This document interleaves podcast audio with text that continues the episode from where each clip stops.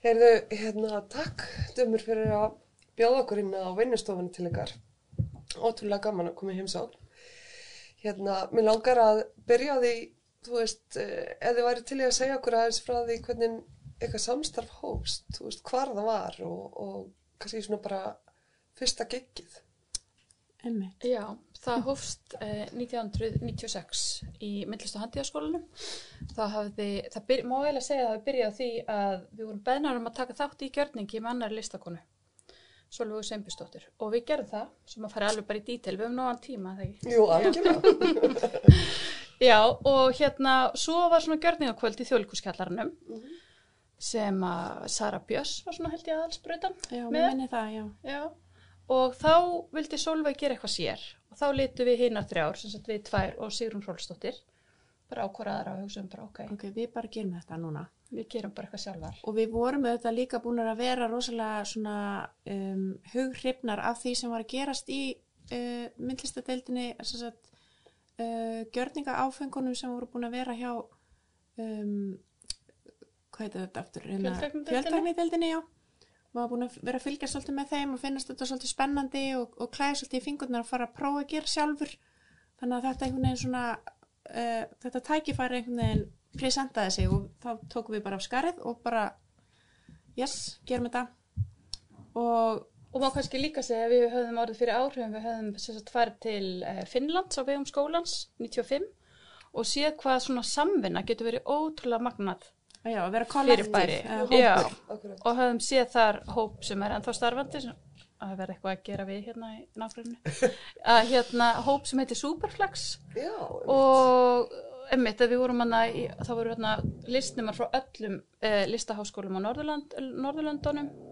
En þú veist, við, sá, þeir, við sáum þá einhvern veginn strax þeir voru einhvern veginn þrýr saman stóðu og, svona út úr, þeir voru, þeir voru líka með svona ákveðið identity, einhver mer, barm, eða svona einhver merki og húur og eitthvað svona þannig að þeir, þú veist, þegar maður kom inn í stóran sal þá stóðu þeir svona upp og við, við tókum svolítið eftir þessu og vorum bara, já, þetta geti kannski verið svolítið mikið power fyrir okkur líka. Mhm, akkurat. einmitt. og og þetta var algjörlega áður og við fórum eitthvað að vinna saman.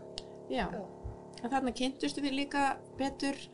Sigrún og Eirún voru saman í grafíkdeildinni en ég var í skúltudeildinni og þá voru skólinir á tveimur stöðum að og Dóra Íslefsdóttir sem að byrjaði svo fljótlega í gjörnaðarklubnum eftir að hann var stopnaður hún var hérna líka í þessari ferð hún kom úr grafískra hönnun. En já, það myndaðist svona tengsl Já. sem að heldur áfram þegar við komum heim og svo í rauninni já, þessi, þessi gjörningur með sólvegu sveimburs var svona líka mikil spreyta Akkurat.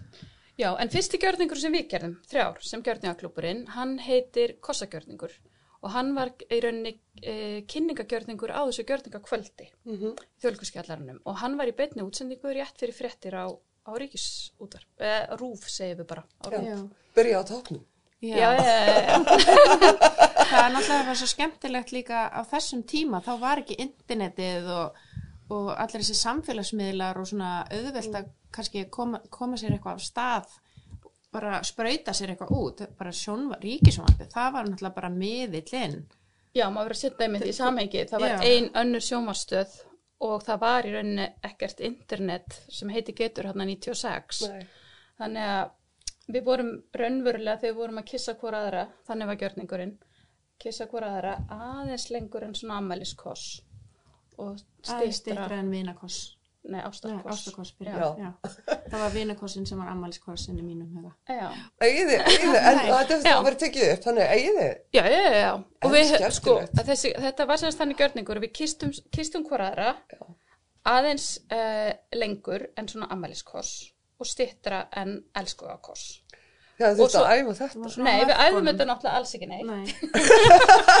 og svo endaði með því að ein okkar kisti beint í kameruna sem sagt alla þjóðina Já. Skemmtilegt. Já, en það var líka svolítið skemmtilegt sko að það, hérna, sem sagt, við fórum hann upp í rúf og það átti að sko að fá, þegar við hérna, sögðum hvað við vildum gera, þá ætlaði þáttastjórnandinn að fara að reyna að stjórna og vildi koma þá hugmynd að í staðan fyrir að við myndum gera bara þetta atriði, þá ættum við að koma og kissa alla í þættinum læðast svona inn í Oh. sett og kissa þú veist, eitthvað, hérna Sigurjón Sigvardsson eða whatever, einhverja sem voru þarna og við vorum bara, nei, það ætlum við ekki að gera. Og þá voru þeim með hótanir bara, eða þannig, bara svona, já, þá þá verður þið ekki með. Og við vorum bara, já, ok, Ok, þá verðum við ekki með. við erum ekki með. Svo hringdu þeir og voru bara, já, við erum til í að gera þetta eins og þið viljið gera þetta Þannig við vorum mjög ánægði með okkur. Líka sérstaklega þegar- með okkur. Já, þegar maður er Já, svona, algjörlega. þú veist. Lilla, lilla í, Já. þú veist, listaháskólanum, þá er Já. þetta eitthvað bara svona erfitt, eitthvað neginn, smá. akkurat. En okkur, fannst þetta bara mega, þetta var bara eina rétta fyrir okkur. auðvitað, en þetta er bara svona skemmtilegt að hugsa til þess hvernig þetta Standa með sér. já, Já. hvernig þetta var og hvernig var verið að reyna að þrýsta á mann að gera eitthvað sem að maður vildi ekki gera En Einmitt. hugsaði líka og bara... líka setna beðnar um eitthvað, já, hérna, Jónsmessa, ef ekki að byggja þessar stelpur hann í gjörningaklubum hvort þær vil ekki eitthvað velta sér upp úr dögginni. Þú veist, einhverja svona hugmyndur, maður bara, nei, við... gerð þú það bara sjálfur. og líka tengja gjörning alltaf við einhverja uh, nekt og Mm. eitthvað svona, þú veist Sem er náttúrulega alls ekki neitt farulegt, það er nei, náttúrulega bara svo en mikið. það er líka já, já, Við hefum freka lítið verið, verið allsbergar í okkar gjörningum. Samt þarna í gyrnilega konur, kökuverkinu. það er eina skiptið Já, okay, jú, jú. ég held Já, að. svo eru þið náttúrulega með eitthvað svona smá sokkabuxna hérna Já. þema í gangi. Já, þá voru náttúrulega- Þið skúldur. Já, já, já, já, þá erum við lagtar á næloninu Já, akkurat. En mjög miklu af nælonni. Já, Já. Já. það er svona nýlína, já það er svona nýlína í kannski líka í, smá í fegrunar aðgerðum að í staðan fyrir að fara undir nýfin Mm. að þá bara þrýsta utanum sér nógu mikið að næloni að því að það er talað um eins og með sokkaböksnar og þær geti þú veist, gert rassinn spengilegan og eitthvað svona Akkurat. en við förum bara í all, alveg frá toppi til táar og bara hárið og allt Það móta þetta allt saman. Já, bara öðlumst algjör og fullkomnun. Hérna, hér með breiðum út, fagnar erindið. Já, Að, hérna, já, bara spandexið og hérna, uh, lítið læknar og þorður. Já, það kom í ljós. Já. Nælonið blífur. Já, þú þarft ekki að sjá eftir neinu þú, Nei, veist, þú getur bara farið úr nælonu og þá ertu bara aftur í þín, þín húð þannig að þú, það er aldrei neina eftir sjá Akkurat. En þetta er, mér finnst sko, þú veist þetta sokkaböksn þeim eitthvað svo skemmtilegt, en þetta er líka veginn með sokkaböksn að þetta, þetta er sko 21. aldar svona korsett, hérna, Einmitt. þú veist, flík, einhvern veginn, þú veist, og ég hef gaman að, að horfa á svona heimildathætti um svona þú veist, kostum sko það, það er svona saumakonur sem hafa gaman að því að búa sér til svona period hérna kostum og, Já. hérna, Já, já, já, já. og var að horfa á eina alveg óla fína hún er hérna bæði saumakona og hérna sem sagt svona fashion historian mm. og hérna alveg og er einhvern veginn ef það kæmi upp þú veist eh, mynd af svona átjándu aldar konu þá þú veist hérna, veist, það væri mynd af henni við hliðina, þú veist, Já. hún er svona ekta þessi típa. En hún var einmitt að segja, sko, að, að ma- maður fengi aldrei, sko, svona fetta í, eða, þú veist, svona fytudag eða eitthvað svona slendag, en maður var, er með, þú veist, að nota korsett. En þess að líður alltaf vel, að því að allt er svona bara tökkað inn bara og svona. neipin Já. takk Já, nöpinn takk, sko, og hérna, þú veist, þú berði alltaf vel og, og, og, og svona, þannig að hún var einmitt að, sko, íta á það, þú veist, að var að tala um að korsett væri óþægileg, það væri bara eina algjör mis, miskilningur í rauninni. okay. Og þú veist, þetta með, þú veist, það sem að þeir eru að móta líkamann með, hérna, já, næloni, Já. Það, það, þetta er einhvern veginn, það er, það er einhvern tengslanna, Þetta er sko. kannski ekki sagt að þetta er beinleinis það þægilegsta Nei. sem Nei. Það er svona létt innilokana kent, Já. sko. Já, er, já, þú náttúrulega eru kannski, farið líka svolítið langt. Já, það er mjög mikið frelsin að komast aftur úr já, og vera bara í eigin líkama. Já, og finna Já. bara hvað maður er þakklátur fyrir sinn Já. eigin líkamann Já, Ok, En þú veist, maður er skellir sér auðvitað alveg stundum í nælan sokkaböksur Já, það, já. Bara, þú veist, það er líka ákveðið svona um, já, ákveðin þægindi á stundum Já, já. einmitt. og okkur finnst líka spennandi hvernig nælónið er svona uh, bara, það er verið að líka eftir náttúrunni. Já, Það er náttúrulega verið að líka eftir silki þræðinum einmitt, Já, sem er náttúrulega náttúrulegt fyrir, fyrirbæri einmitt. og reyna einhvern veginn að búa til eitthvað ódýrara eða sterkara eða eitthvað sem að maðurinn getur gert, manneskan einhvern veginn. manneskjan er svo ofta að reyna líka eftir náttúrunni en náttúrun hún er alltaf einhvern veginn all, það er alltaf eitthvað meira fallegra eða meira svona einhver mýkt eða Já. eitthvað alvöru í náttúrunni Hún er svona alltaf skrefi á undan. Já, En þið hafi náttúrulega notað þetta efni til þess að mála í rauninni og Já. Alla já, Það já, hefur já. gengið opaslega langt með. Við lítum á sokkabuxnar eða nælonið bara, se, bara eins og hverja olíumálingu og nælon er líka búið til úr olíu. Akkurat. Þannig að þú spókstaflega er þetta olíu efni. Svona ein, eina svona sokkabuxur er í rauninni bara eins og svona pensla, tvö penslafur Já, Já. En við höfum líka blandað það, sko. Það, þú veist, við höfum búið til svona fjæðrir þar sem að er, þú veist, svona lög, þú veist, Já. það kannski hvítar og svo gráar utanum og, þú veist, náum að blanda þessa nælon liti Mhm. þess að fá svona mismundi hjú og, og, og svona. já, algjörlega. Já, við vorum svo hefna sko þegar við vorum að sína síðan í Aros safninu í hérna, nei Aros, í Amos Andersson safninu í Helsingi, Finnlandi að þá fengum við hérna, tengsl við sokkabúsnafyrirtæki þannig við eigum alveg svakalega mikið af sokkabúsum Ah, eru þið sponsorið þar? Já, Frábært. í rauninni. Og Já. það var svo skemmtilegt sko þetta sokkabuxna fyrirtæki það var, semst, forstjórun var að hætta og það var búið að vera, vera hefð fyrir því að þegar forstjóru hættir það var búið til á hann oljumálverk Mm, en fyrirtæki fekk okkur til að gera semst, oljumálverk úr sokkabuxum af forstjórun þannig að það er til, það hangir svona með hinum oljumálverkunum í fyrirtækinu Vá, þannig að, en þetta verk það hefur aldrei verið sínt hér? Nei. Nei. Nei. en hins vegar verkið sem fyrst, þetta var ekki þeirra hugmynd að gera, þú veist, þeir bara Þeir sáu sáu ykkar. hitt verkið sem Já, við vorum búin að gera og sko eftir þetta já, í, fra, í framhaldi af þessu Já. en við höfum, þegar við vorum að sína í safninu þá gerðum við portrétt af stofnanda safnsins Amos Andersson Já, vá, hvað er spennandi. það er kannski sínt þér hérna Já, kannski að það setja var- innskott smá einskott hérna já, Ó, þetta er flott. mm. Var hann ekki gladur?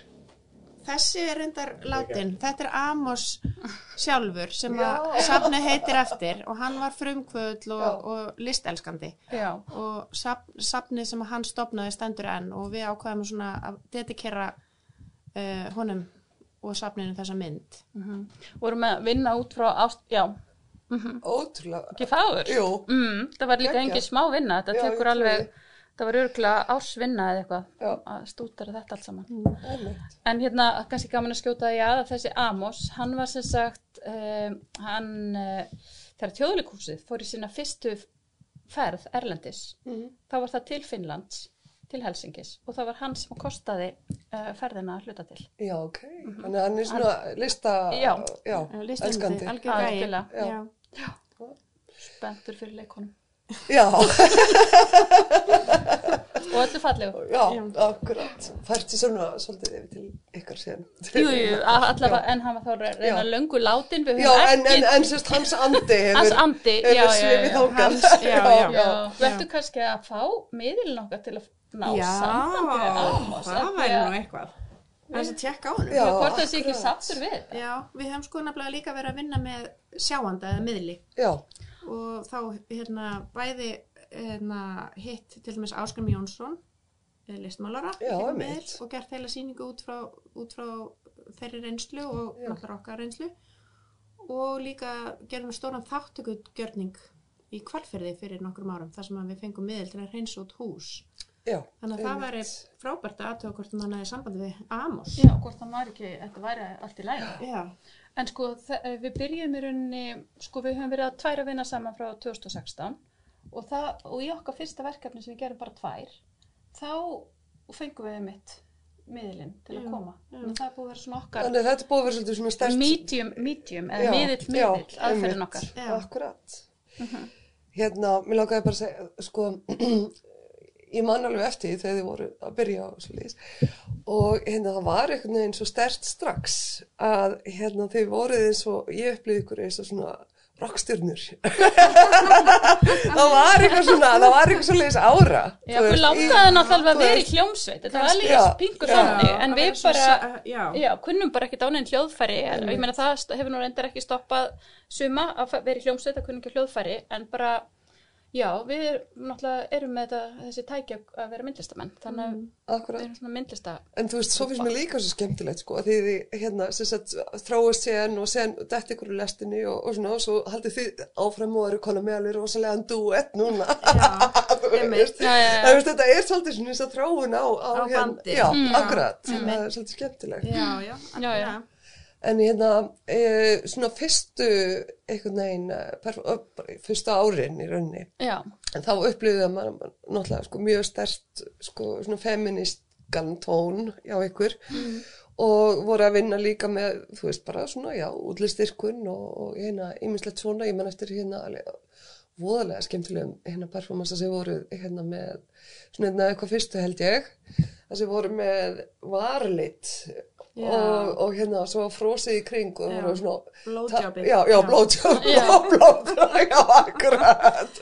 En, en þú veist, en líka alltaf opáslega hérna fallegt allt sem að ég hef séð eftir ykkur mm. sérst, rosalega þú veist, þessi, þessi kvenlega estetík, þú veist svona, einmitt bútuvarinn og þetta er, og sko já, fallegt það, það hefur verið eitthvað svona sem hefur svolítið verið ábyrjandi hjá ykkur Mhm. Já, það er bara gaman að heyra það. já, Að maður hafi, sé, hafi einhverja pólitík en líka einhverja fegurð.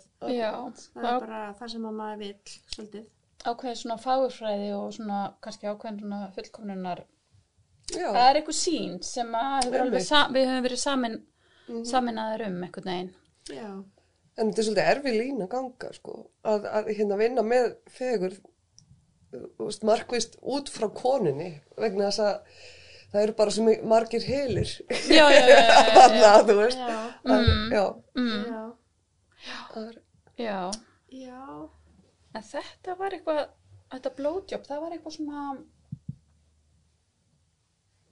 eða ég var að tala eitthvað sérstaklega um það? Eða varstu bara að hugsa um nei, það já, bara, svona- já, bara, Já. þú veist, bara, sem dæmi, sem, svona- sem, já, Já, emmitt. Það var okkur alltaf alveg strax mjög hugleikið að svona, þú veist, eins og þetta, þegar við erum saman að vera svona í, þú veist, eins og núna erum við í einsloppum, að vera svona með líka svona identity já, sem klúburinn mhm, og, og líka það sögn í öllu sem að maður setur fram, þú veist, að fyrir okkur skiptir það gífulega miklu máli, þú veist, hva, hva, hvað erum við að segja með bara skónum sem við erum í, uh, af hverju setjum við okkur varalit þegar við erum varalit, þú veist, mhm, og, og svo bara kemur þetta einhvern veginn saman í þessa mynd sem að við viljum kannski að aðri geti tólkað og, og þetta er svolítið svona eins og margir hafa sagt þú veist, þetta er líka svona lifandi skúltúr lifandi málverk sem sprettur fram í, í, í, í gjörningunum. Einmitt, og bara hver einasti dítill skiptir máli. Mhm. og ef hann er falleg þá er það frábært. Og kannski er einhverjum sem finnst það líka ljótt, ég veit það ekki en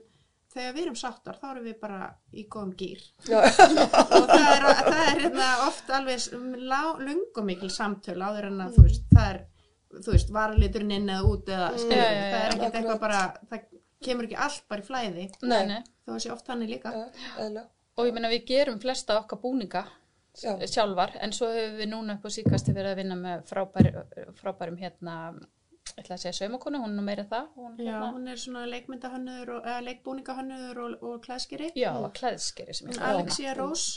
Og já, það er líka skipti máli líka stundum að hérna, hvað heitir það á íslensku? Að outsourca já, að þú veist að fá líka inn kannski þriðja augað eða fjórða augað eða þú veist að við erum með mjög skýrar oft hugmyndir og, og svo kannski þegar við fáum einhvern annan inn að þá bætist við eitthvað element sem að kannski okkur þetta ekki í hug og það er bara og kannski er það líka eitthvað sem við gerum meira af núna þegar við erum tvær Einmitt, að, og já, já, að fanga svona inn ön, önnur aðra huga.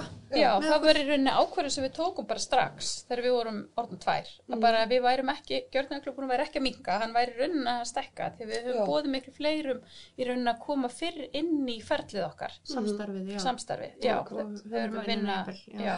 en við erum náttúrulega samt sko, þó við séum að tala um sko platan struktúr milli okkar þá er það samt og við erum að vinna með öðrum þá er það samt sko, þetta er okkar verk við erum á stjórnusu já, já, og leggja alla línutnar og allt þetta og leikst, og- allt já, já, þið eru svona maður myndi segja. algjörlega, Já. en það er því lík gjöf að vinna með þessu frábæra listafólki sem við höfum verið að vinna með upp á síkasti. Við erum eiginlega komið svolítið svona þjættan og góðan hóp, bæði kvikmyndagerðamaður sem við höfum verið að vinna með, Óskar Kristinn Vignusson, algjörlega frábær sem er, hefur verið að taka fyrir okkur að klippa til dæmis.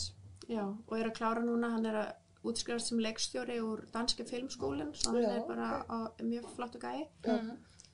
og hérna, já, og Kjartandarri, leikari og Harpa Finns sem er í sminkinu. Já, já, já, Já, já, þetta er svo erfitt um leiðum að byrja, sko. Já, en er rosa, við erum komið rosa góða grúpu og, og, hérna, og það er bara ótrúlega góð orka og við erum rosa hefnar hvað margir hafa verið til í að líka vera að vinna með okkur Já. og vilja koma aftur. Einmitt. Þannig að það er eitthvað gott í gangi. Já, og við höfum verið líka að vinna með frábæri teimi af dönsurum og leikurum, þú veist, og það sé te Já. tekið Já. inn líka. Svo hafið þið náttúrulega líka verið að búa til eh, heilmikið af, hérna sem sagt objektum sagt, eins, og við sjáum hérna já, þetta fjölfeldi hérna. hérna þetta er nýtt multipúl hjá okkur Já, Já. það heitir hælspyrna. þetta er svolítið sensuelt. Þarna er einmitt, Það er punkur í þessu. já það er smá punkur í þessu já. Já, sem er einmitt svo hlægilegt að það sé talað um það sem eitthvað svona töff og hart. Viðkvæmasta Tólið. tólið í líkams uh, En hérna, þetta er hérna tí- hérna, þetta er, þetta er sem sagt uh, græja sem getur brotið glærþakk. ah, ok. Wow Gott ef að Kamila, Kamala Harris notaði þetta ekki? jú.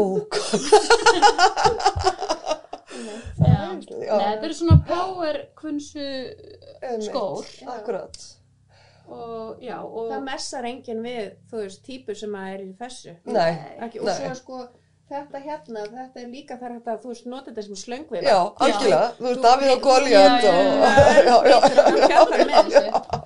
Það Það er ekki grín. nei, það eru endalausar tilvísanir sem maður horfir á þetta sko í rauninni. þetta eru sko, það er til sjö eintök af þessu. Mm, og þegar eru uh, tvö farin já. inn á heimili mikilla svona kraft, Power krafta.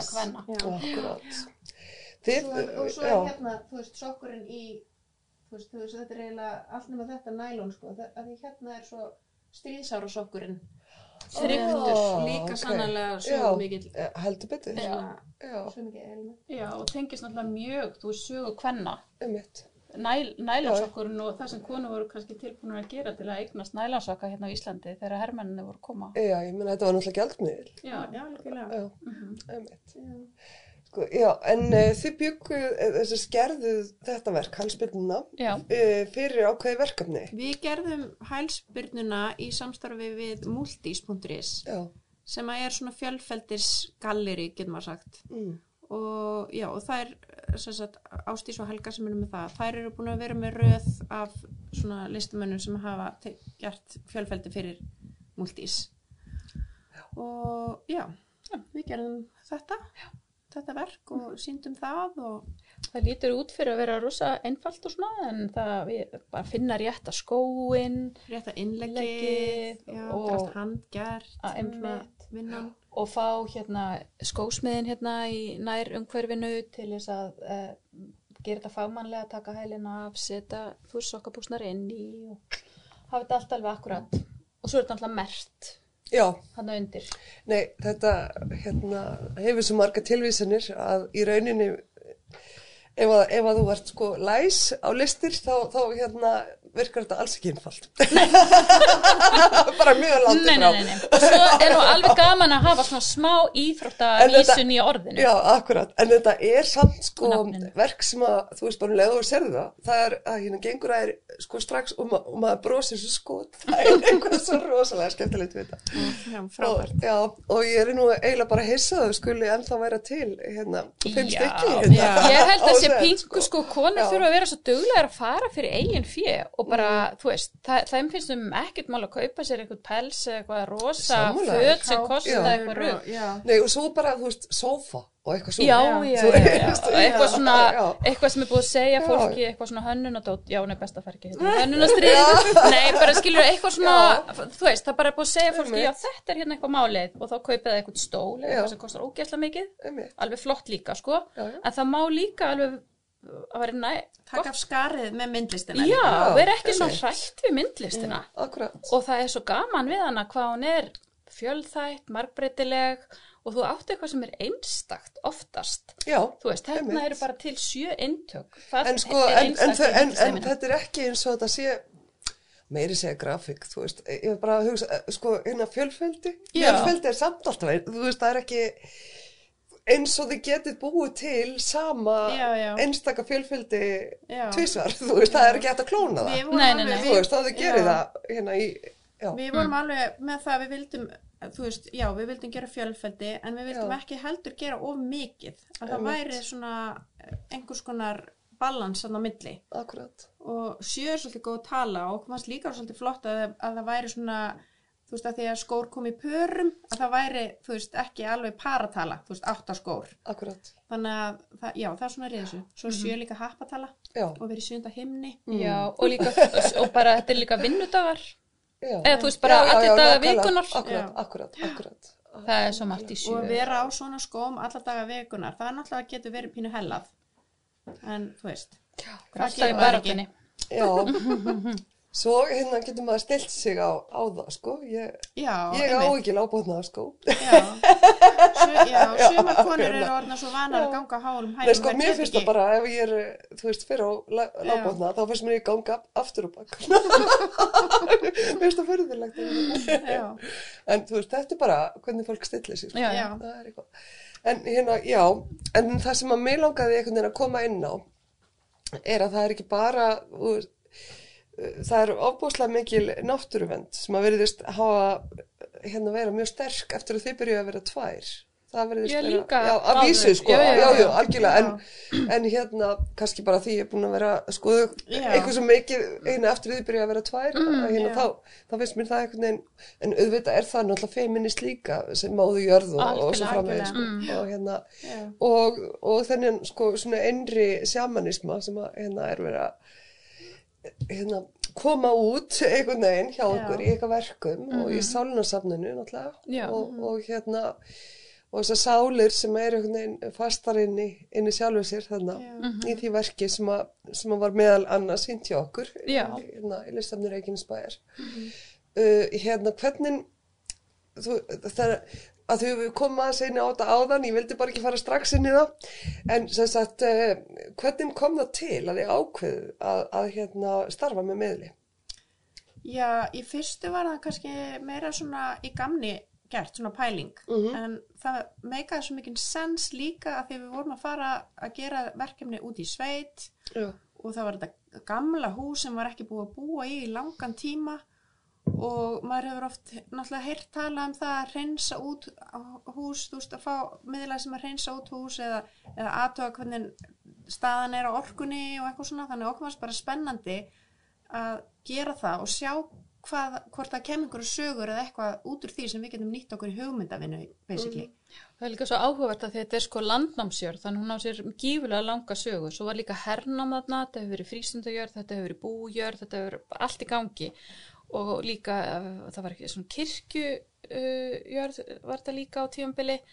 Og það er svo margt sko líka sem að er ekki í einhverjum heimildum. Og hún líka spenntar fyrir því. Þú veist, hvað, hvað með alltaf þessa ósögðu sögu? Er eitthvað hérna í loftinu, eitthvað sem miðlinn getur sagt okkur sem við getum ekki fengið upplýsingar um neins staðar annar staðar. Og, og við höfum líka heyrt að það voru einhverja sögusagnir um það að það var einhver svona sæstundum, einhver svona ljósmóður eða andi ljósmóður eitthvað svona einhverjum glugga. Og líka bara hvort það kemur fram einhverja tilfinningar, ekki bara, ekki bara sögur, heldur einhverja tilfinningar eða litir eða eitthvað, Eitthvað. eitthvað til að byggja á í, í upphafi hugmyndavinnunar. Já, og okkur fannst náttúrulega flott bara, já, ótrúlega flott eða er, þú veist, í upphafi verks einhver svona, einhver fæðing eða einhver byrjun og svona. Og svo kom náttúrulega bara eitthvað allt, allt annað í ljós. En kannski áðurum fyrir að tala um það alltaf ættum við kannski að segja hver er svona grunnfléttan í, í verkinu. Við endilega. áttum sérst 20 ára ammali gjörningaklúburinn þannig að bara rísa vinnustofa með fullt af dóti. Og þannig að við vorum að svolítið að fara gegnum það 20 ára sögu okkar svo fórum við gegnum sögu landsins líka og svo vorum við að hugsa um svona æfiskeið mannesku sem er svona, þú veist, úlingurinn Mm þú veist e, a, þú veist, bara mismunandi svona þessi klassísku já, svona þroska skeið kannski. já, mannesku Já. og já, og svo kom eitthvað fleira inn í líka, svona þessar þrjár, þessi þrýr ángar, svona Já. aðla. Já, og svo bara einhvern veginn rýmiksa maður þessu, þú veist, öllu sem að manni finnst vera markverðast sem að bæði eins og þegar við uh, tökum eins og bara vinnustofuna, þú veist, að þá eru okkar fólk, leikarar og dansara komnir kannski með ákveðin svona ákveðina punta, þú veist, hérna, eða, eða rými í húsinu og á land, á jörðinni Mhm. og svo tökum við út allt sem við eigum á vinnustofunni og það er bara svona, já, hérna, búningasafnið og, og hérna, bara objektar og allt mögulegt sem að er hægt að rýmiksa fyrir hvern og einn. Búningur, hérna, innsetning í húsi, hvað sem er. Þannig að svona skemmtileg svona samsetning á, á þessu öll saman. Algjörlega. Þannig að við gerðum þennan, uh, já, en við kannski víkjum aftur að þessu hérna, miðladæmi. Já. Því að hún sá, uh, sem sagt, hún kom hann inn í húsi með okkur og skinjaði bara mjög svona óvinsamlega orku inn í húsinu. Og hún sagði bara, þú veist, ég myndi ekki, aldrei gista hérna í þessu húsi eða reyna neina samvinnu í þessu húsi því það mun bara fara illa, það þarf að reynsa hérna út. það fólk mun byrja að slasast þið mun byrja að rífast, þetta geti verið jafnvel endurinn og samvinnun ekkar það var bara rosa Vá. hefi sko. Já, og við fórum í bæinn líka veikar af því að það, það er vist þannig að maður er með svona linsur hérna. Og ef maður er svona, við erum greinlega mjög næmar hún, við, það, þessi orka fór svona hérna inn um þessar linsur og það þarf að loka þeim áður en maður, helst áður en maður fyrir inn í svona uh, aðstæður. Og það hafði eitthvað glemst að gera það þarna í þetta sinn, þannig að við vorum veikar á leiðin í út af þessi slæma orka fór svona inn á okkur. Þannig að næst þegar við fórum þá þurfti að blessa okkur og setja okkur alls konar arbönd og, og verndargripi til þess að við myndum eh, standast já. og vera í þessar aðstæð, Já, aðstæðum. og hún sagði líka þess, hún sagði hann, þú veist þetta var Karlkins orka, hún segi bara hann stendur bara hérna, hann bara glottir að ég þarf, hún segi bara, hann tekur ekki mark á mér, ég verð að fá einhvern svona einhverja sterka karlorku til þess að hreinsa hérna út úr húsinu. Og Ok. húsið var búið að standa aukt í og einhverja þrjú hann ára að reyna að henda minni yfir stegan hann að reyna að íta minni yfir stegan þetta var eitthvað bara, og ég meina við ég allavega er ekki með neina svona skinjun og maður bara treystir henni, hún er með, með þetta. En það sem að gera þetta kannski pínu trúverðugt þá og bara, þú veist, enn þann dag í dag eða svona, maður fer kannski pínu skeptiskur inn í þetta en svo bara fer maður líka svolítið að trúa það var, fannst mér þess, þetta hvernig við erum báðar svona slappar eftir þetta já, og, og, já. svona svipaðan hátt einhvern veginn Einmitt. Og svo fengum við líka hérna annan miðil til að koma og hreinsa út og hann gekk í gegnum allt húsið, skinjaði mjög svipaða hluti og hún hafði skinjað og við vorum auðvitað ekkert búin að segja honum hvað hún hafði Já, skinjað er það? og, bara alveg sama já, nánast. Já. og svo fór hann og sagði bara taldi sér vera búin að hreinsa Já, hann sagðist að það var sett svona kaðal meðfram öll, öllu rímunum og lassoað orkuna Já, út. vá. Svolítið svona skemmt, svona Já, já, sjónrænt já, skemmtilegt. vá, þetta er mjög svona Já. myndrænt. Já, og það Hérna. er bara svona frekar, svona frekar ánaði messi, Já. þú veist, að hann hefði náð þessu. En svo að því að það er sá aðilegar en að tengdur fjölskyldin minni, ég hitti hann í bóði og há- þá var hann, að, þá kom hann að máli við mig og sagði bara, já, gott að ég hitti þig. Það er búið að vera ágangur á mér, ég náði ekki að hreinsa út fyrir ykkur. Og þú veist, og bara sagði að við ættum að vera í sambandið hann. Ok, og ég er bara ok, og svo ég að segja eirinu þetta í vinnunni bara á mánudeginum og þá erum við bara, byrjum við að reyna að ringja hann. Og hann svarar ekki. Og við reynum í ansi langan tíma, við skiljum eftir skilaboð og bara það er eins og maðurinn hafi gufað upp. Og það enda með því að hérna, við fáum þriðja aðilan inn í þetta. Já, því hann svarar ekki. Þessi, hann svarar já, engum símtölum, við reyndum allt sko. Og hann hefur aldrei haft samband. Síðan. Þessi, þessi miðaðili, svo Já. við erum að tala með þetta þrýr miðla sem að þurft að koma að Já, þessari vá. hreinsun. Já, og svo, já, nei, svo kom fyrsti aðilinn, hérna miðillinn og bara náði að setja hann út af, taka hann út úr húsinu og setja hann bara á, á hérna, út á hlað. Hún náði hann mikið lengra en það. En hún svo sagt hann dyraverði í hurðina, þannig að hann kemist ekki inn. En hún sagði þið verðið að fá einhvern til að taka hann alla leið inn í ljósið. Hann er brjálaður hérna hlaðinu. Hann er bara, veist, hann bara, hann er öskrandi og veist, og bara æpandi og, og bara ógnandi og hérna þannig að við vorum bara eitthvað svona, já, ok, við byrjum bara að vinna og svo, Það var samt farið fyrir ekki að verða svolítið stressandi út af því að við þurftum að fara að koma með fólkið okkar inn í húsið og það farið að svolítið að, svolítið að stoppa já, okkur. maður var orðin bara pínu hrættur eiginlega. Já, líka ge- er ekki bara, að getum við ekki bara eitthvað sleppt þessu en það var ekki hægt, að því við vorum komin svo langt inn í þetta. Mhm. Já, ég, ég þorði eiginlega ekki að fara bara að byrja að vinna þarna fyrir þetta var alveg horfið út, út af þessu, einhvern veginn, hvernig, hvað þetta var orðið alvarlegt. En allavega þá var hún búin að ná honum út og svo bara kemur þriði aðilinn, þriði miðlinn og hann finnur líka alltaf sama, þannig að þá styrkjust við ennþá í trónum, það, Já, það er eitthvað. Það er einhver orka, Já, eitthvað sem já. þau eru að Já. skinja, eitthvað svipað. Mhm. og hann nær að taka hann með sér í burtu þá er, hefur hann verið þessi sterka kallorka sem að þurfti Já, Sem ok. að- Já, til að hreinsa endanlega. Já.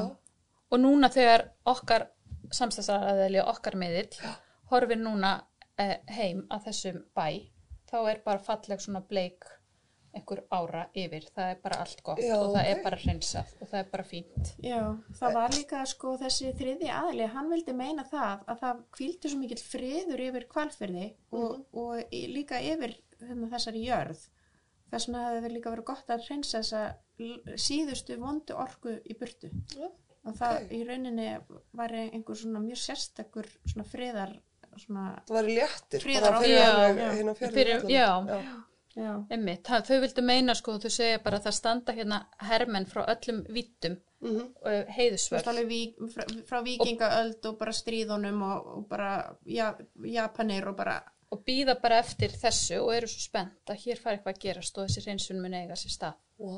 En þú veist, við getum alltaf að tala um þetta í þúsund ár, en þú veist, þetta er bara ótrúlega spennandi. Það sem Já. er líka svo áhugavert við þetta er að, þú veist, það er svo margt sem að við, þó að við sem að beita innsæðinu og svona, sem að við Mm. skinnjum ekki, getum ekki heldur skilið og þá er oft svo gott að taka svona dæmi um bara, bara svo hunda, þeir finna lykt sem við finnum ekki, Mhm. en þessi lykt er aðna og maður verður bara líka átt að segja á því að sem manneska, það er maður með takmörkuð skinjunar og skilnings bara tæki Já, já. og það er bara svo mikið og margt í heiminu sem við hvorki sjáum, skiljum eða skinjum eða þá að það er líka svo loka fyrir það þegar maður er svo uh, mistengdur það er hægt að opna fyrir ákveðna skenjun ef maður vill það, þá er hægt Já. að gera það og, hún hérna Bibba sem er aðal miðlinn okkar, hún fann líka fyrir þú veist huldufólkinu og það er mjög sterk huldukona sem að var þarna sem, í hólnum við hliðin á húsinu og hún hún var svo glöð því að það voru greinilega svo margir á mörgum vittum orðnir uppgefnir á þessari neikvæðu orku.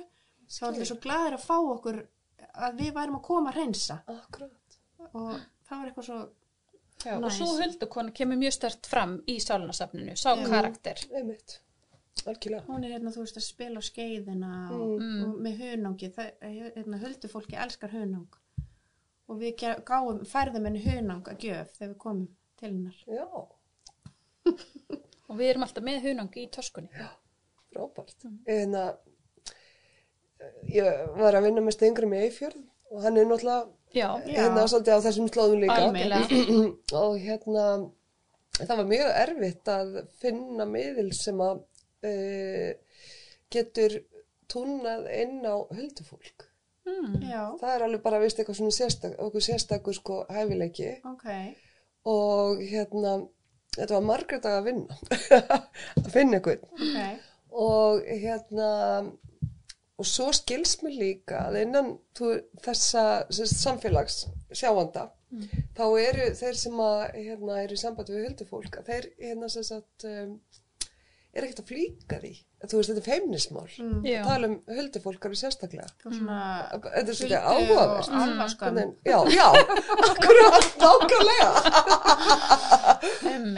Já. akkurat. Já, okkar kona er ekki trætt við þetta, hún er alveg Já. bara, hún er svo alveg pottitt á, á þessu sko. Mm. og bara gefur ekkert, hún segir bara allt sem, sem hún sér, en hún tók það reynda líka fram að einmitt að sko, og það er merkilegt að vera með þess að þrjá miðla sem við fengum að þeir voru ekki allir á sama sviðinu.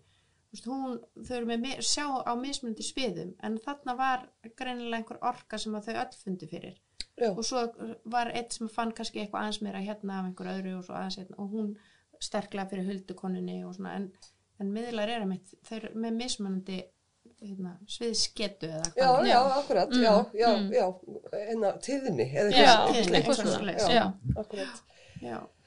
en hérna, já, En núna er sem sagt, þetta verið fyrsta sinn sem að við unnum með Bibbu, mhm, Brynju, og hérna, svo unnum við með henni svo sem tala um með Áslum Jónssoni Já. og svo erum við að vinna núna nýju verkefni og það, við erum einmitt að fara á fund núna á eftir. Mhm, og þá erum við að byggja hana um að tengjast inn á mjög, mjög gömul hljóðfæri, alltaf 400 ára gömul hljóðfæri sem að einmitt eiga á óskráða sögu að hluta til og Já. fá hana til þess að skinja Hún kallar það hlutamiðlun, já, já, svona object, Já. sjá hvað svona hún skinjar út frá þeim. Og það er þá að fara að verða grunnur í stórt verkefni sem við erum að vinna að núna. mm, spennandi, en ma Já. maður sé náttúrulega fyrir sér, þú veist, eitthvað sem tólkar á hljóðfæri, þú veist, og hljóðfærið er miðillin, þú veist, Já. sálarinnar, Já.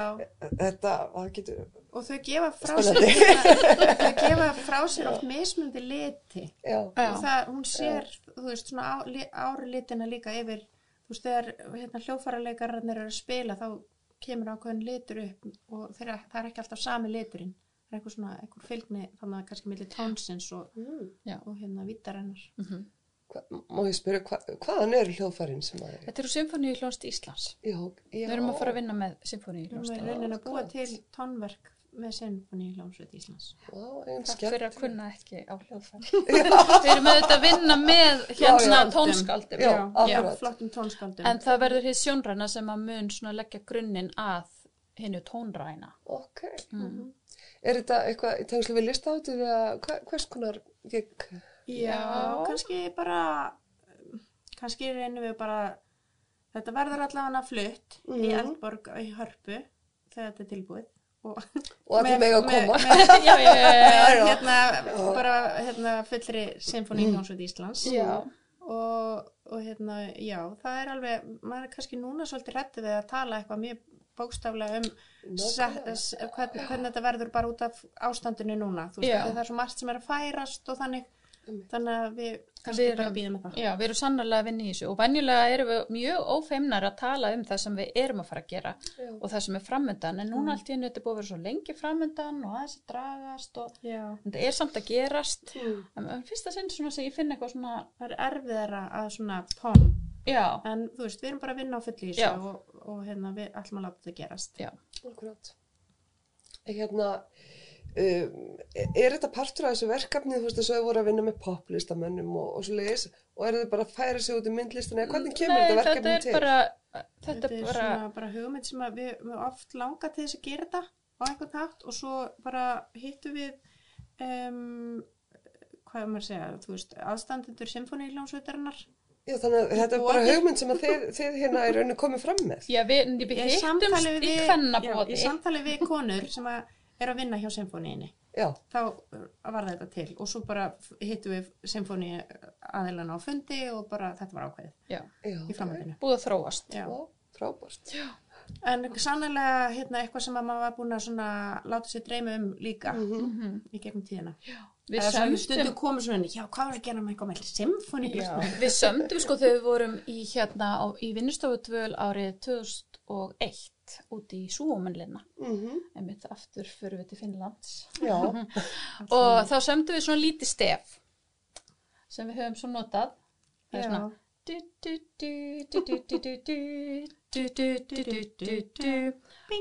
Já, þetta stórkostlega stef sáum við fyrir okkur að væri svo geggjað að það erði útfært fyrir symfóníu hljómsveit mm. og erði spilað aftur og aftur og aftur og aftur, mm -hmm. bara samastefið en, en það, það endaði með því að það var sagt, búin til svona píjónoverk út frá því sem var notað í gerningi af listarsamni Íslands já. 2014 mm -hmm. en núna erum við bara að gera, já, hvað maður segir bara svona fullblásið symfóníu tónverk bara þú veist í átta, þú skilur köplum, bara alvöru. Með myndlist, semja með myndlist.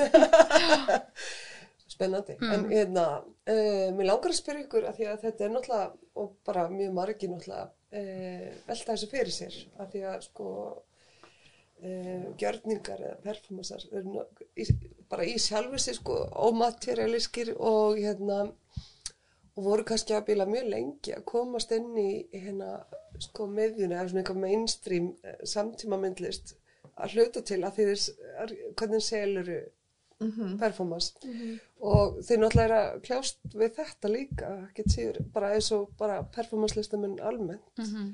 og nú bara að því þetta náttúrulega að fá svona haugmynd eins og, eins og þetta þú, hérna e, hvernig, hvernig bara getið þetta, vegna þess að þetta er alveg sko þið eru náttúrulega bara eins og ég var að tala um einhvers konar hérna rockband, en rockband er fyrirtæki.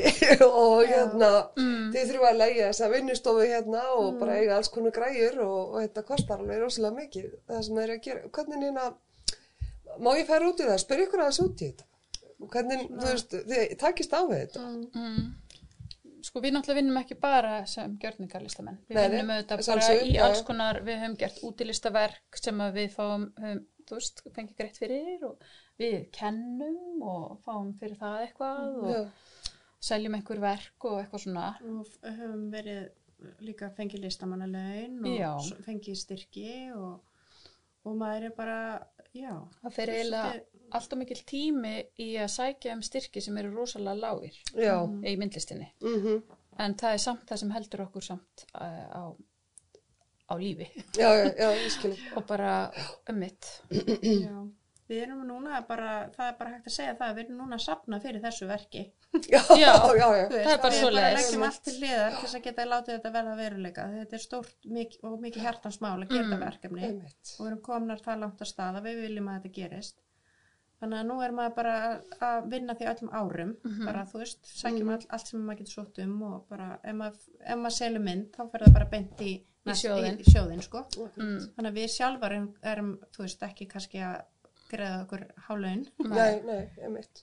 En hérna, hafið þið farið einhvern veginn út í það að, að, að þú veist, náttúrulega ímyndin, hún verður svo dyrmætt líka, Mm. þú veist, þegar hún er, hérna, um að geta sett efni í, í, í listir líka, þú veist, þannig að, að hérna, um, þú, sem sagt, þegar þið gerir performansa, um, að búa til hlýðra afurður sem eru þá ljósmyndir eða eitthvað slíkt sem að þau væntalega semji þá einhvern ákveðin og ekki hver sem er má taka þessar myndir og svo, mm -hmm. eru þið með eitthvað þannig og, og eru þið að selja það þannig?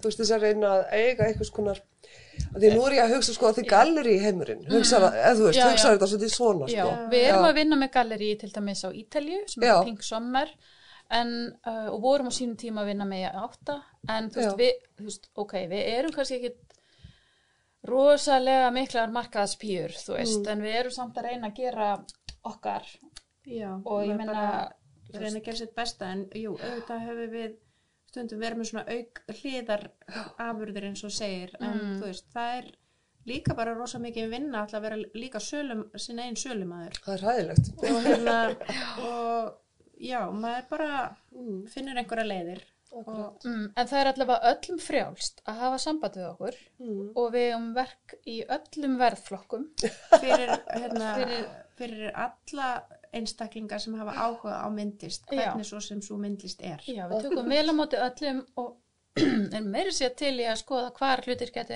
hangið upp á heimilum ef út í það fyrr. Okkar eigin hlutir eigin verk. Ekki innan hús arkitektar. En bara, þú veist, bara, þú veist, fólk þarf ekki að vera eitthvað mjög, Mm. mjög feimið, sko. akkurat það er mjög gaman að koma til okkar ég, ég skrifundi það. Allar leið. Já, já, en allavega, já, já, en nei, þetta er bara, þú veist, og ég vona bara að fólk bara hérna heima, þetta er náttúrulega lítill markaður hérna heima, þess vegna er svo mikilvægt að fá fólk í heimsókn og bæði sýningastjóra og aðra og líka bara erlenda safnara sem að koma og svona, til þess að bara upplifa sig ekki hérna í algjöru einangrun mm á landinu. Eða, þú veist, við höfum báðar búið búið og hérna lært erlendis. Já.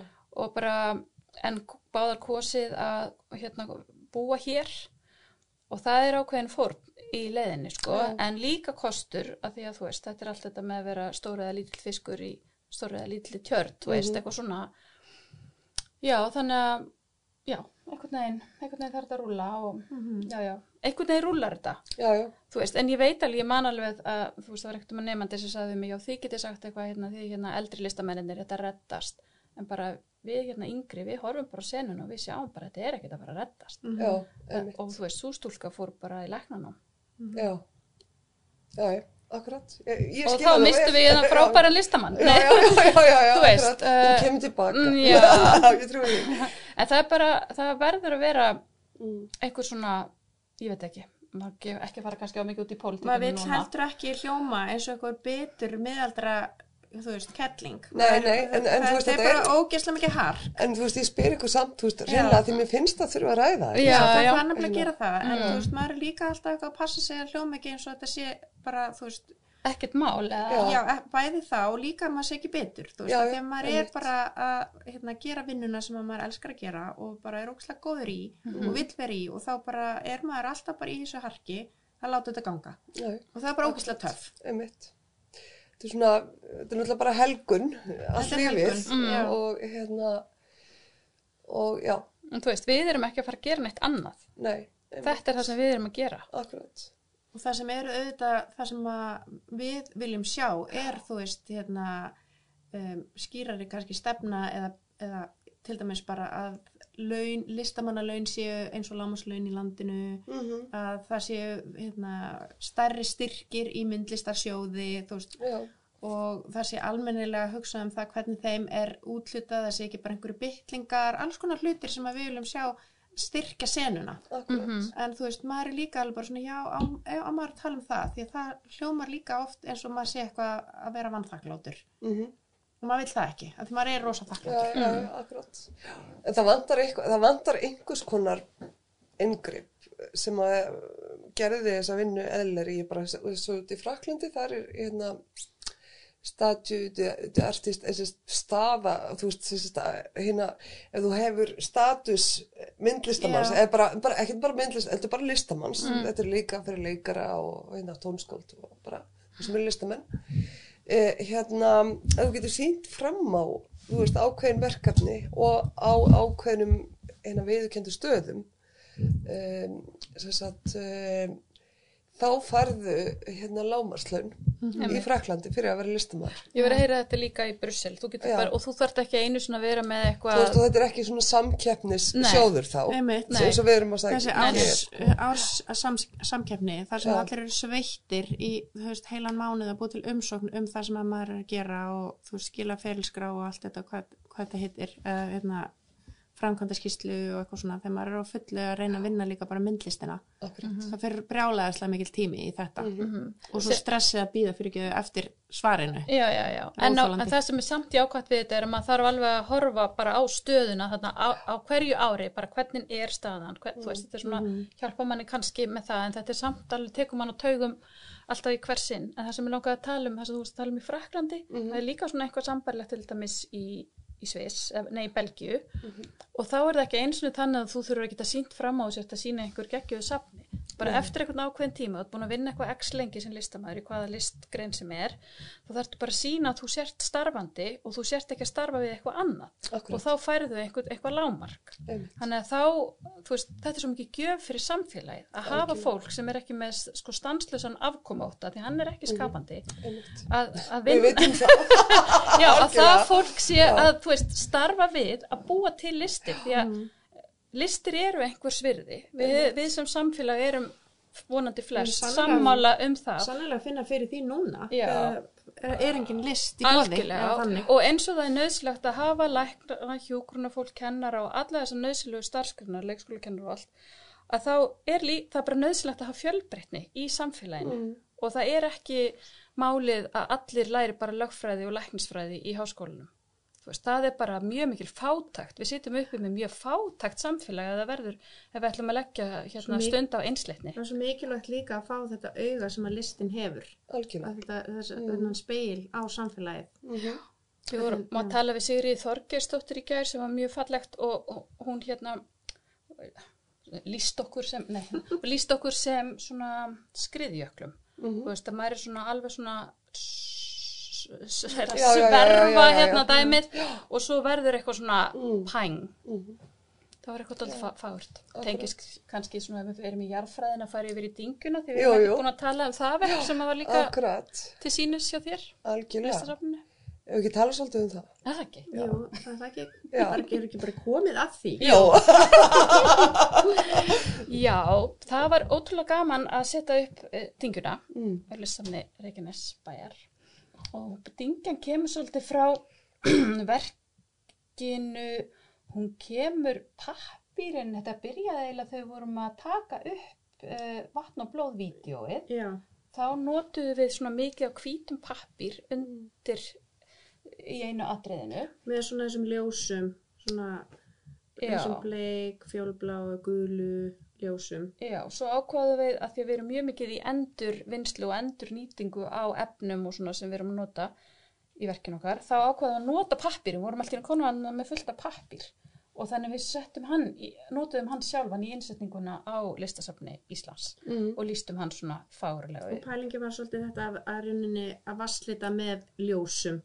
Svona, taka svona nútíma tæknina hérna, versus áskrims tækni, þannig séð, innsetning. Mm Já, Já, það væri svona grunnurinn í starfi listamannsins, það væri svona pappirinn, og litirnir og svona, og svona hug, hug, hug, huglægt svolítið svona sem að lýsing gefur manni Já. svona tilfinningu Mhm. fyrir.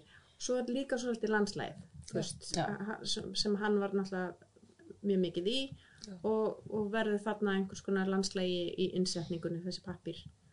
Og það er kannski kveikjan síðan yfir í landslægi dingjunar verksins. Nefn að þá vildum við líka hafa eitthvað, eh, þá erum við náttúrulega ekki að fjalla um uh, listina, millinis og áskrím heldur aðra, aðra vinkla Þá, og það kallaði annað efni. já, þá tökum við fram sængur sem við höfum áður notað. Við höfum áður notað sængur í verkum. Það var á 2000 þegar við gerum von og 99. Já, verður því. komum hér. Já, einvegs, allavega, þá notuðum við þessar sængur og byggðum upp, vorum með áttasængur og byggðum upp svona dingju, eins og dingju, dingjufjall, eins og Mhm. okið sem er núna ekki lengur, sem er bara ekki lengur jökull, Já. telst ekki jökull lengur, er að bara þarna. En þá hérna byggðum við upp þessa dingju á rúmi í rauninni, rúmstæði. Og Við lögðum mikið metna í að strauja rúmflutin Það alltaf vel. Ég ég votta það, fleiri, Já. fleiri dagar.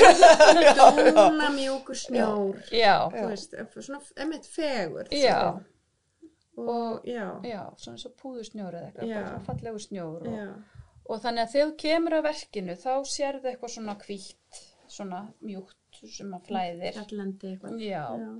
en svo þú gengur svona aðeins lengra eða svona í, í ringinu kringum, þá sérðu að þetta er, þú veist það eru tveir kottar í rúminu og, og, og þar inni er allt meira svona rau- rauðara, harðara einhvern veginn í Mhm. litum. Mhm.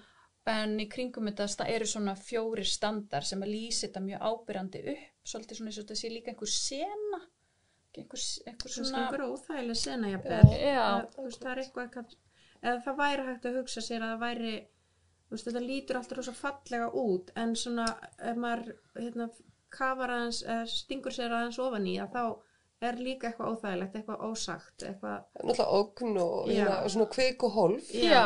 sem já, að já, Einmitt. snerta einmitt á einhver svona óþægilegu.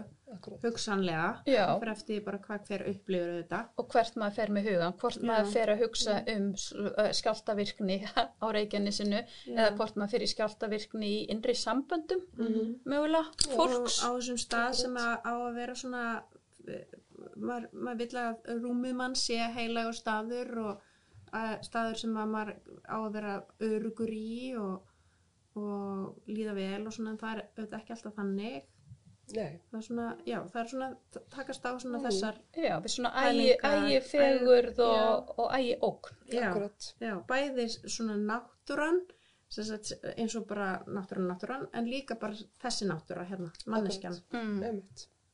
Og hvernig við tengjum þetta síðan allt saman þú veist, og eins og við vorum að tala með okið sem að, Mm. þú veist, var hægt að segja líka ok, er þetta ok er ok hvernig við erum að fara með náttúruna okið segir nei Já, já, nákvæmlega. já, já. ok, hvernig fólk með, fer með hvert annað Mhm. þú veist, verðum við ekki svolítið að hugsa um að reyna að vera góð við hvort annað, góð við náttúruna Einmitt. allar þessar pælingar Og svo er náttúrulega með þetta bara mjög klassist tenging konan og náttúran mm. og þú veist hvernig hefur verið gengið á náttúruna og gengið á konurnar í gegnum tíðina. Mhm. Mm Já, þetta er hugsanlega vígvöllur, veist að- og rauði liturinn er svolítið svona blóðið og, Mhm. eða gósið, þú veist, Mm. er og kvika, Já. nynsta kvika. Já. Já.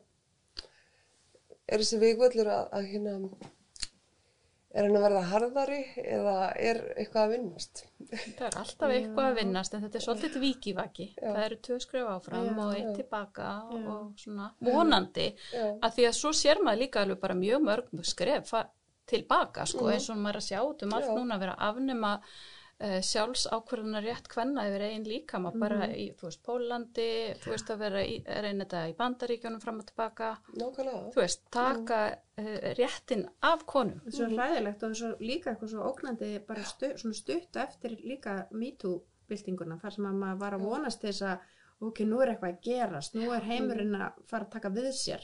Og svo bara, þú veist, tve, tveimur ára setna þá bara, nei, þið með ekki bara í fóstureyðingu Já, akkurat. Þetta baklas sem kemur alltaf. sem kemur Það alltaf er alltaf svona þetta viðmót. Já, Pínlítið sjokkirend að sjá þetta sko inn á alþingi Íslendinga. Líka. Já, já, þetta er náttúrulega bara allstaðar. Þetta er eitthvað Já. trend sem er í gangi. Emitt, það er fyrirlegt. En það er kannski að sína okkur að uh, baráttan er að hafa áhrif. Mm, Þess vegna kemur þetta sterka mótsvar. akkurat. Já, það er, ég hef það á tilfinningunni að við stöndum á bara vikvelli bara hérna Mm. í ykkur svona klæmaksi, hérna baráttunar. Já, já, sko, já. En það er líka kannski að gerast núna sterkar að, að yngri karlar og eru að gera sér betur grein fyrir því að feminismi er eitthvað sem gagnast þeim líka. Veist, þetta er barátta okkar allra fyrir Já, já. betra lífi. akkurat, samanlega því, algjörlega. Hérna. E, já, hvert langum við að fara næst? E, fyrir ekki, ég var svo inn á, mér langaði ekki að dvelja alveg Nei, nei, nei. Um, e, það sem að e, við fórum ekkert í nei. er hérna að um, eins og koma aðeins fram áðan þið fóru báðar erlendis hérna í nám eftir hérna myndlist á handíðaskólan Mm. hérna er ég til að segja frá og segja hérna sérst hvert þið fóru og hvað það gerði fyrir ykkur eða þú veist hvað skonu áhrif hérna þið tókum Mm. með, með, með úr því eða hvort það voru áhrif líka Mm. það er ekki einu sinni víst Já, já, já, já. Og ég, ég sko, já, já. já. mhm. Já, ég sko fór sem skiptinemi þegar ég var í myndlishandíðaskólanum. Þá fór ég til Þýskalands til Hannover Mhm. og hérna hafði náttúrulega áhrif. Mhm. Og ég hafði reyndar áður dvalið í Þýskalandi á Þýskum sveitabæði þegar ég var 18 ára. já ok En hérna það er önnur saga og já, og svo sem sagt þegar ég var að velja með framhaldsnám þá sótt ég um í Berlín Mhm. og var þar í tvö ári framhaldsnámi og bjóð þar. Og já, það var náttúrulega bara hafði þetta mjög mikil áhrif á mig að búa þarna í þessari borg sem var svona að byrja að vera svona ringiða. Mhm. Ég menn þetta var, uh, hvena var ég Eh, 96 til 98. spennandi tími í Berlín Mjög spennandi tími. það er öðru að koma núna Já, þú veist, múrin fjall 89 og þegar maður er svona ungur þá finnst manni þessi, þú veist, hvað hafa þetta verið, einhver svona 6 eða 7 ár, þá finnst manni það eins og það sé ógislega langt síðan. Akkurat. Og maður fattar núna þegar maður er eldri, nei, það var mjög stutt síðan. Og fólki sem bjóða þarna í íbúðunum í, í, í kringum mig, það náttúrulega bara fyrir þeim var, hafði múrin hrunið í gær. Mhm. og hérna við byggum hann á austamegin og já, ég geti náttúrulega tala rosa mikið um Berlín en allavega það var bara frábært að vera þarna í listaháskólum í Berlín. Og prófessorun minn var hérna Katarina Sýverting sem var einmitt eh, einn af mörgum nefndum Jósef Bóis Mm. og já og það Já, var ég sama með get bara Jóni tekið boltan þá yfir til mín því að ég fór til hérna Kaupmannahafnar þar sem að prófessorinn minn var Úrsula Reuter Kristjansen sem að var líka nefandi boys. Þannig að við Eirún höfum stundum talað um að við, hann sé af okkar. Barnabörn. Í myndlist já, og við höfum Já. alveg gert verk sem tengjast honum, honum. já, draugur Jósef Boys hann hefur byrst okkur í, í okkar verkum. Já. í gjörningi. Já, mér leiði líka bara ég var bara rosa ánað að fara til Kaupmannafnar ég hafði líka farið sem skiptinemi þangað og leið svo vel þar að ég ákvað bara að fara aftur þangað. Og það var náttúrulega svolítið mikið degur tímabil í rauninni því að ég hérna uh, maður fekk svona þú veist, við fórum í skólaferðir, fórum til New York og ömmit Berlinar og, og hérna, og það var svona það, það var eiginlega það sem var skemmtilegast að fá svona tækifæri til þess að prófa að, að fara á svona staði. Og allt og greið. skólinn greiðir og það er svolítið svona þetta skandir, ég mæli bara með því að fólk fari bara í nám til Skandinavíu. Því að það kost, það er engi skólagjöld Mm. og það er í rauninni hlunnindi sko, ég fekk líka að hérna, maður fekk líka efnispeninga og gætt keft sér líka, þú veist, ef maður kefti sér ekki efni, gætt maður keft sér bækur þannig að þetta var svolítið degur tímabil fyrir unga upprennandi listakonu en svo, já, svo leiði mér bara vel þar og það, það margt í gangi líka í myndlistinni en það er náttúrulega alveg áberandi veist, því við skandinavar erum fá í Já. heiminum Já. hvaða eru gríðarlega eina sterk samtímalistin Já. Svona á heimsvísu sko, þú veist, mikið af skandinavum sem að, og, og, og einmitt af ykkar kynslu, Já. mjög margir Það var sko, nefnilega sko akkurat þarna, þegar við erum hérna, í skóla þá er Mm. akkurat þetta no, sko, Nordic sko, hérna, sprengjan í gangi. Já, Mm. Nordic boomið þannig að maður var á góðum tíma til að upplifa það. Bæði við sem gjörningaklúburinn að sína þú veist eins og á Moss tvíjaringnum og þú veist það er allar þessar stjörnur að koma fram og, og vera þú veist saman með þeim að sína þú veist, og inn í þessu bara mengi það var okkur skemmtilegt Akkurat. þannig að við vorum, þú veist, ég myndi segja ég hafi verið heppin að vera í Danmörku akkurat líka í Mhm. því dæmi. Mhm. og já og það gaman Já, en svo hefur við náttúrulega bara sínt út um allan heim með gjörn, sem. Þú veist, við hefum sínt, við hefum fært í Tasmaníu, við, þú veist, við tala um bara um, þú veist, tækifærin, þú veist, sem að segja eins og einhver hérna fegurudrottning að tala um að elska að ferðast. já, en þú veist, Láta gott láta leiða. og hérna, og ferðast og elska börn, Já. en hérna, já, nei, nei, en það er, um, við erum búin að fara í alls konar æfintýri með klúbunum, já, bæði og það var líka ógeðslega gaman að vera stutt frá Eirúnu til dæmis, ég fór að heimsækja hana til Berlínar, hún kom til mín Við við fórum saman til Sigruna til New York sem var þar já, þá og, við Jóni horfðum saman á Sjönnhásaralli á útför Lady. Di. Bara segja Ó, það. þetta gæst Ég líka. Ég er nýbúin að að horfa á krán. Ég var að Já. klára, klára Já. það í gær. Já. Já. Já. við vorum bara hérna saman eitthvað bara og þetta var allt á þýsku og Eirún þurfti eitthvað að reyna að útskýra fyrir mér hvað var í gangi Við erum tárin í Já. augunum. Þessu hræð Það var náttúrulega hræðilegt. Þetta. Já. Hún hefur fyllt okkur alveg síðan. Já. Það Og er Dolly sko, já. Parton reyndar hefur Já. fyllt Já, okkur mjög mikið. þetta Við tókum upp lægið Jolene Já, í í- Cargo Studio í, í Berlín. Berlín og fengum svona lítinn svona geisladisk með Jolene og einhverju öðru lægi sem okkur tókst ekki jafnvel að syngja. Við í höfum ekki náttúrulega Já, já, já. En þetta var, já, maður gæti farið þarna á Karki Mm. bar, Já. eða það upptökustúdíu, Já. Karki og Já. Hún er Dolly disk. er svolítið að fara að fylgja okkur líka inn í, inn í symfóníuna. Já. Það, það verður tekið sem að countryði verður tekið inn. Það verður eitthvað. Ég laka til. Og ég er líka, þetta verður bara samt svo langt að býða. Ó, þetta er hérna. Já, nokkur ár. Er forsalega aðgangum með það komin í gang? þetta verður eitthvað, þetta verður gaman. Já. Já, uh, þurfum við kannski að vera með eitthvað svona merge. Þú veist að tala um eitthvað svona, Já, Já, vera tilbúin með eitthvað svona, með eitthvað varning, Já. Já, við eins og varning. Kannski ból. Já, við náttúrulega þarf að gefa Það er verkið út á, hérna, á hljóðfæl. Þú veist, við fyrir að beint Já, á. bara í spátti. Já, já, já, Já. já. En við erum náttúrulega að hugsa þetta líka miklu viðameira heldur en bara symfóníu tónleikar því að þetta verður líka vídeoverk Já, og Já, það verður, og, sko, og hljóðrásin verður tekin, symfónían verður tekin upp, þú veist, í annarkvært í útvarpinu eða, ég man ekki hvað það heitir, um, einhvers og, og hérna, þannig að þetta verður vídeoverk og það verður hægt að sína það líka í, þú veist, söfnum og galeríum og þannig að það þarf ekki alltaf heila symfóni í hljómsveit. Já, ég skilji. Já, þú veist, það Akkurat, verður- þetta verður til live Já. sem svona performance Mhm. með vídjói og Mhm. svo fer þetta, er hægt að hérna, taka þetta áfram. Horfa er á þetta í símanum. Akkurat. Nei, sem er svolítið um er líka svolítið okkar element eins og, eins og bara sálnasafn sem er upprunalega þáttökugjörningur sem verður á vídeoverki Mm. Veist, þannig að við reynum ofta að vera með ángana úti á fleiri stöðum þegar við erum að búa til eitthvað svona stór verk Hérna, mm, fjölmiðlar já. já, já, já, já. Algjörlega. Um, ég geti vel setið hérna í allan dag, en hérna að lokum það langar mig að því ég er ekki búin að koma að staði e, e, ekki búin að ná að, að spyrja um það en að því þeir eru náttúrulega nýbúnar að gera stóra sýningu hérna á Skandinavi og gerum það í kófinu meiri segja Já, hérna, er ég til að segja aðeins frá því já, Já. það er bara líka ótrúlega skemmtilegt verkefni. Já. og rosalega Já, takk. takk fyrir það. Það verður einmitt tekið, það er búið að taka það allt saman upp og það verður hægt að horfa á það í þrývít mm. Á internetinu. á internetinu. Já.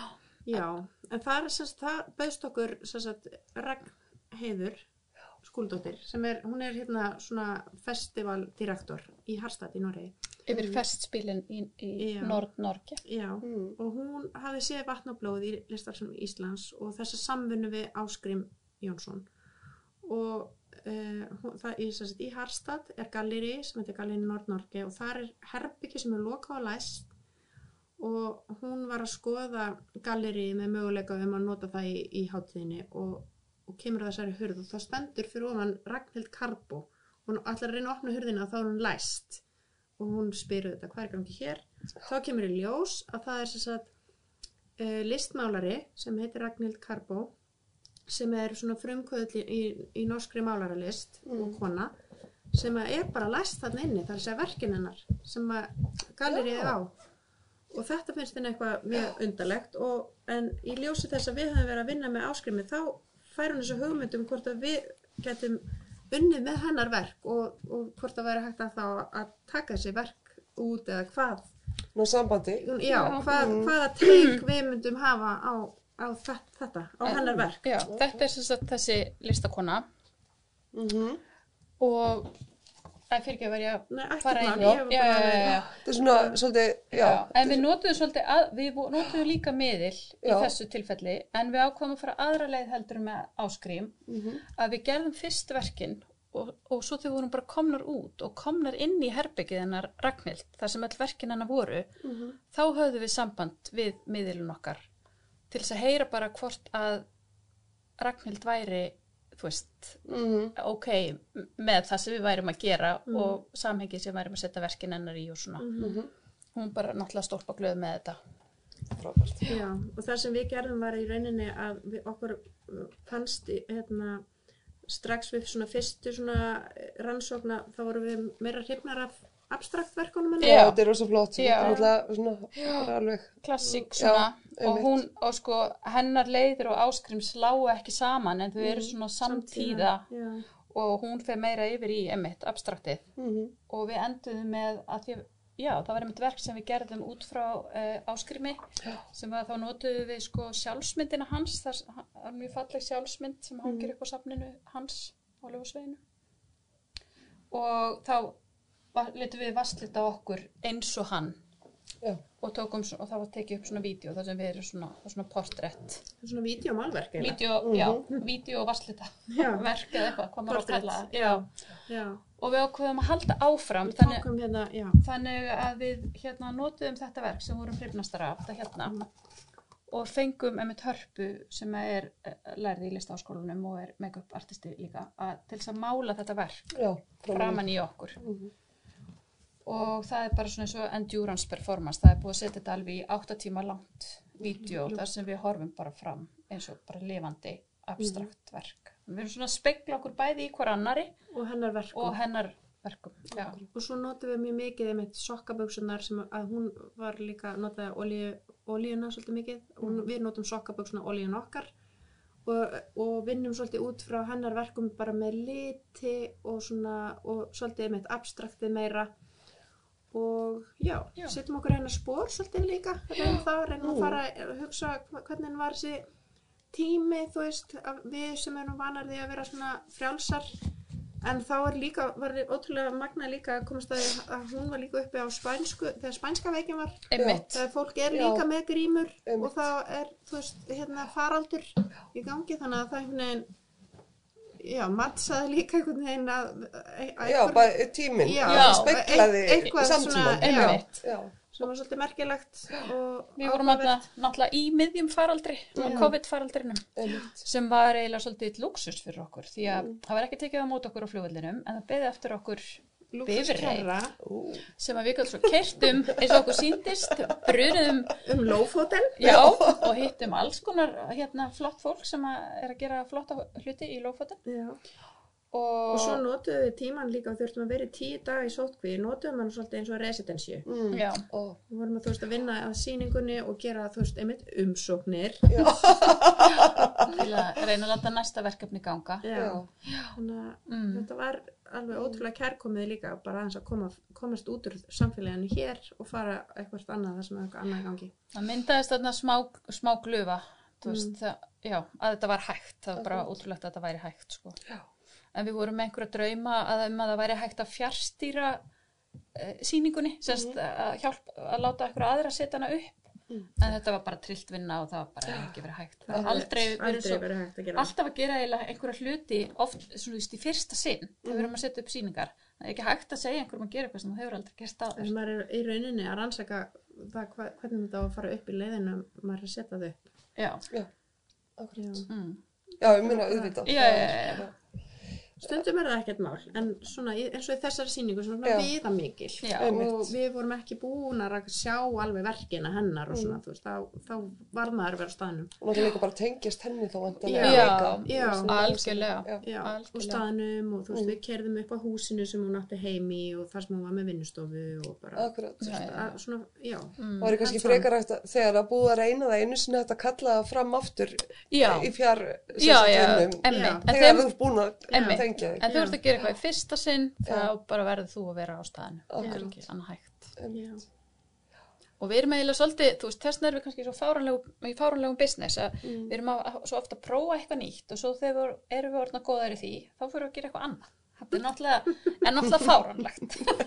við festum okkur ekki við neitt Nei, er þú veist, svo kemur sumt líka aftur Já, já, já, það er bara Einhver endurverslu og svona. einhver já. ringrás líka En það sem er kannski einkennandi fyrir gjörningaklúpan er að þú veist aldrei kannski hvað kemur næst, Nei, hvað akkurat. efni við erum að fara að vinna með Mm. þú veist, þó það sé einhver svona, einhver þemu sem skjótt upp kollinum Mm, aftur og og líkindi, eða svona ættar tengsl milli verka, þá er samt líka svona Já, pínu spenna já, svo er eitt sem hefur kannski skipt, eða ég myndi segja, ég held að við séum allar sammála um að skipti máli fyrir gjörningaklúpin, það eru svona óskráða reglur sem við höfum nýtt okkur, Já.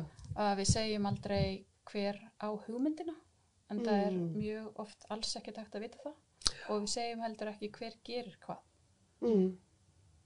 Já. Þetta er svona að, líka með ákveðstu, já, það er oft svona áhuga og við, og við vilja vita hvernig kom þessi hugmynd til og hvernig gerist þetta og það er bara ofta ekkert takt alveg að vita það. Mm. líka bara þessi hugmynd, hvernig vinnið þið Því vegna þess að við vinnum bara mjög mismunandi líka þú veist, Já. það er ein, ekki einhver ein vinnu aðferð Nei. veist, við Þið er náttúrulega að vinna í svo marga meðla Já. að hérna. Já. og bara, þú veist, og bara ef það er eitthvað sem við kunnum ekki þá annarkvort lærum við það eða hérna, fáum einhvern professional með okkur inn í það Mm. þannig að maður er alltaf eitthvað að prófa alls konar hluti líka sem að Mm. bara gaman að eitthvað pæli Já. Og eins og kannski bara líka margir listamenn já, gera já, í já, dag já. í Það er mjög klassísk aðferð hugmyndalistamenna um allan heim. Já, já. En þú veist, það er náttúrulega mér samt sko einhvern veginn pínlítið íslenskt sko að, að gera svo kröfu til sjálfsíks að hérna að þurfa alltaf að vera endur nýja sjálfa sig alveg, þú veist, bara hverja einustu frumu einhvern veginn í hérna vinsluferlinu við, við, við bara hvert verk sem að til verður og þú veist, og þessi að gera þessa kröfu sjálfa sig Mm. Já. er náttúrulega svolítið ómennsk. Já, já, en við erum bara alltaf á tánum. Já, ég veit það. Kannski er það líka bara þegar við erum einmitt svona Já. einangruð og, og fá, fá þjóð, fámenn þjóð, ég veit það ekki. En, Einmitt. en hérna, jú, það er sannlega getur alveg verið þannig Ég var nú að reyna að tala um okkur sem já, við, við Jóni, Já, já, við, já, gerum við erum alltaf á Ég, skil, ég skildi það nú alveg sko Já. já, Ég meina að sjálfsög, já, Já. ég meina algjörlega En Já. þú veist um, Já, bara ég hef gaman Þú veist, þegar maður hafa að horfa Þú veist, og bara út í Evropu Þú veist, mm. bara Þú veist, í svona umræðum Þá kemur Já, nú er hann búin að sko hættur að sko halda pennunum í, eða þú veist, Mm. Já, eða já, já. blíjandunum í þessum alla sko og komum svona smá snúningur á línu og þetta er alveg að gífilega framför Nú er ákveð að fara úr svarta litnum yfir í rauðan. Þetta er tímamót. Já, akkurat, og svo hugsa maður, þú veist, meðan að þú veist, það er einhvern veginn eitthvað eitthvað hérna við marga íslenska listamenn sem að einhvern veginn gera þess að fara í grunn hugmyndavinnu í hvort einasta skipti Mhm. sem Og að setja það upp eh, Við vorum að sá nú síningu í gær þar sem er sannlega búið að hérna, kafa djúft í, veist, Já. sk ljós og skugga og ringformið hjá honum hérna Sigurði. já, Þannig að þú veist, hérna, sem, vorum, sem vorum á kjærvalstöðum. já, akkurat, einmitt já, ég er búin að sem sjá hann Það er svo fínar Já, yfirlitsýningar, einmitt. þessi þemu sem eru búin að vera akkurat. Listamannarreykjavíkur. Mjög flott. Mm. akkurat, einmitt Það er bara gaman að sjá, þú veist, að þar er Einmitt. líka svona consistency, þú veist, það, já, en hann er eiginlega svolítið sérstakur myndi Já. ég segja, þú veist, fyrir hérna íslensku þú veist, einmitt af því að hann, það eru svona nokkrir sem að Já, en maður hérna, sér þetta svo vel þegar maður fær svona yfirlitsýningu Já. Já, hjá akkurat. listamennum sem eru kannski að vera nálga 60 eða eitthvað svo leiðis, eiga mjög bara, Body. go, já, og þá, og Mm. maður, þá sér maður hennar þráð einmitt, mann ekkert mann að mm, eldri listamæður varum til að segja ekkert mann við okkur bara já, þú veist, það er oft Æ, það var Haraldur Jónsson já, já, allavega, ég mann bara, hann var ekkert Mm. mann að segja að hérna listamæður er oft bara einhver ein hugsun eða ein hugmynd Mm. svo er þetta alls konar annað sem gerist en það er oft þessi, Þráður. þessi þráður sko. Já. og það er svo, þegar maður horfir á þessar yfirlitsýningar sem eru búin að vera til dæmis þar þá Mm. sé svo þessi þráður algjörlega og það er svo spennandi, það er svo gaman þú veist, þegar maður er að horfa á fólk sem er að byrja mm. og bara hvað hva, Hver er hver þinn? þráðurinn, Já. hver verður þráðurinn? Hvað hva fer hann upp úr þessu? Einmitt, það er svo skemmtilegt. Já, og allir eru með sinn einn þráð Það er ekki eins og með þessar sýningar sem eru svo frábærar, það eru allir alveg með sitt fingrafar já, sem er svolítið gaman að sjá. sammálaðir, algjörlega. Ég einna var einmitt að, að um, mér finnst einmitt sko samt, ég er meira gaman af svona retrospektiv sko, þegar listamæðurinn er uh, samt alveg í fullu fjöri ennþá samt að framleiða. Já, mér, mér finnst svolítið sko, þú veist þegar verið að, að hérna bara loka líkistinu bara Já, Já, já, mér finnst já. það oft speri eitthvað svona dauði sér, þú veist, þú ert að taka mikið eldri listamenn, þú veist, það er, mér finnst það svolítið, Já, já. við Nei, náttúrulega þú vorum veist, en eru samt að framleiða, skilur, Já. þú veist, á þeim tíma þá vil ég, en- en, bara, bara sína þá framleiðslu, bara sleppa því að, það En verður eitthvað fyrir og með seinna. þessa listamenn, það væri alveg hægt að hafa örgulega aðra yfirleitt sýningu Já. eftir 20 ára Já, nei, alveg, alveg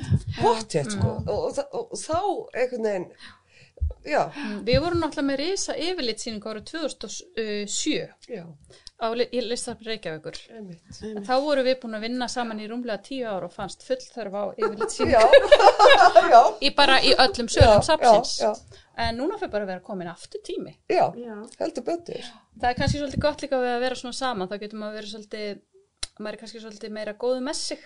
Já, Og maður getur næra að pikka hvern annan upp í því líka. já, einmitt, að bara djöfull erum við góðar. Já. og bara hvað, akkur er ekki Þessi fucking töffarar. já, já, já, maður er kannski betri við sig í saminningu heldur en maður er oft kannski við sig svona þegar maður að tala við sjálfan sig. Það er þannig allir að vera sinn versti óvinnur svona í að svona, ta Mm, já, taka sér niður og svona. einmitt, en hérna þess er ágætt að geta Já. svona varpað einhverju öðru á hvora aðra einmitt, í þessu Já, það er bara ógeðslega nöðsilegt. mm, Það er bara því líkur luxus að vera tveir. einmitt. Tvær. já, Afsakið, tvær. konur eru líka menn, já, upp að vissu marki upp á, já, manneskja, manneskja, manneskja já, og fínt við erum að, við erum að tala um Já, manneskja já, við erum já. all fólk já. Já.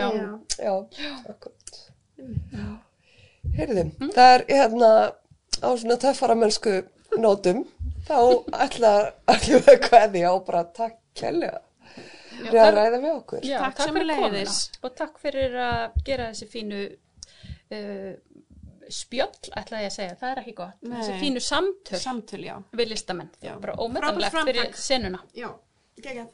Takk fyrir kjærlega. Já.